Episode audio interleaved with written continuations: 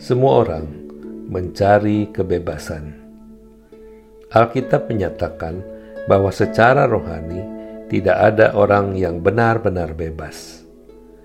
Di dalam Roma 6, Paulus menjelaskan bahwa kita semua sebenarnya diperbudak. Kita merupakan budak bagi dosa atau budak bagi kebenaran. Mereka yang diperbudak oleh dosa tidak dapat membebaskan dirinya sendiri.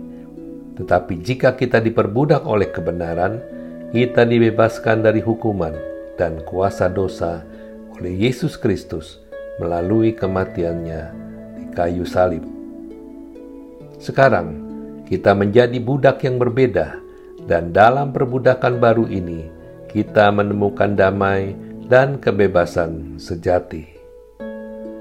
Perbudakan sepertinya mengandung makna kesulitan, penghinaan, penindasan, dan ketidaksetaraan.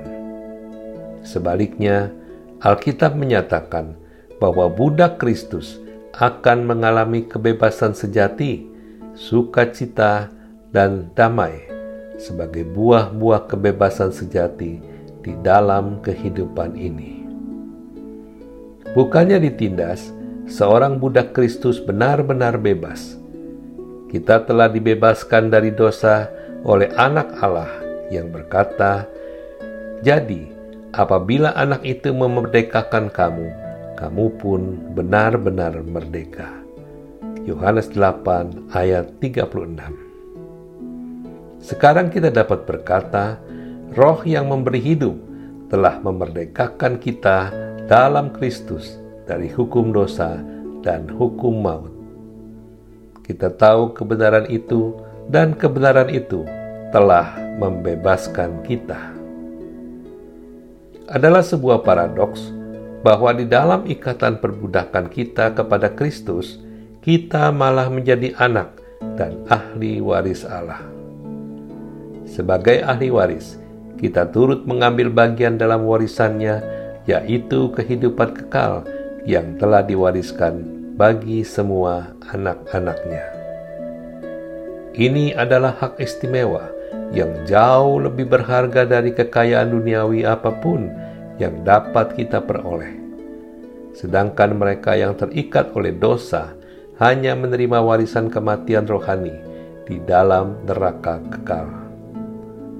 Jika demikian, Mengapa begitu banyak orang Kristen hidup seolah-olah masih dalam perbudakan? Salah satunya alasan adalah karena kita sering memberontak melawan Tuhan kita dengan menolak menaatinya dan mempertahankan kehidupan kita yang lama.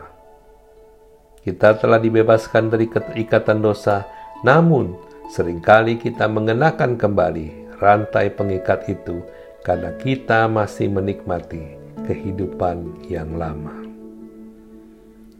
Selebihnya, kadang kita gagal menyadari bahwa kita telah disalibkan bersama Kristus dan kita telah dilahirkan kembali sebagai ciptaan yang baru.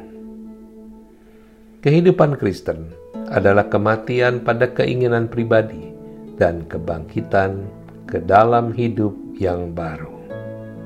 Satu-satunya cara menguburkan jati diri kita yang lama adalah melalui kuasa Roh Kudus.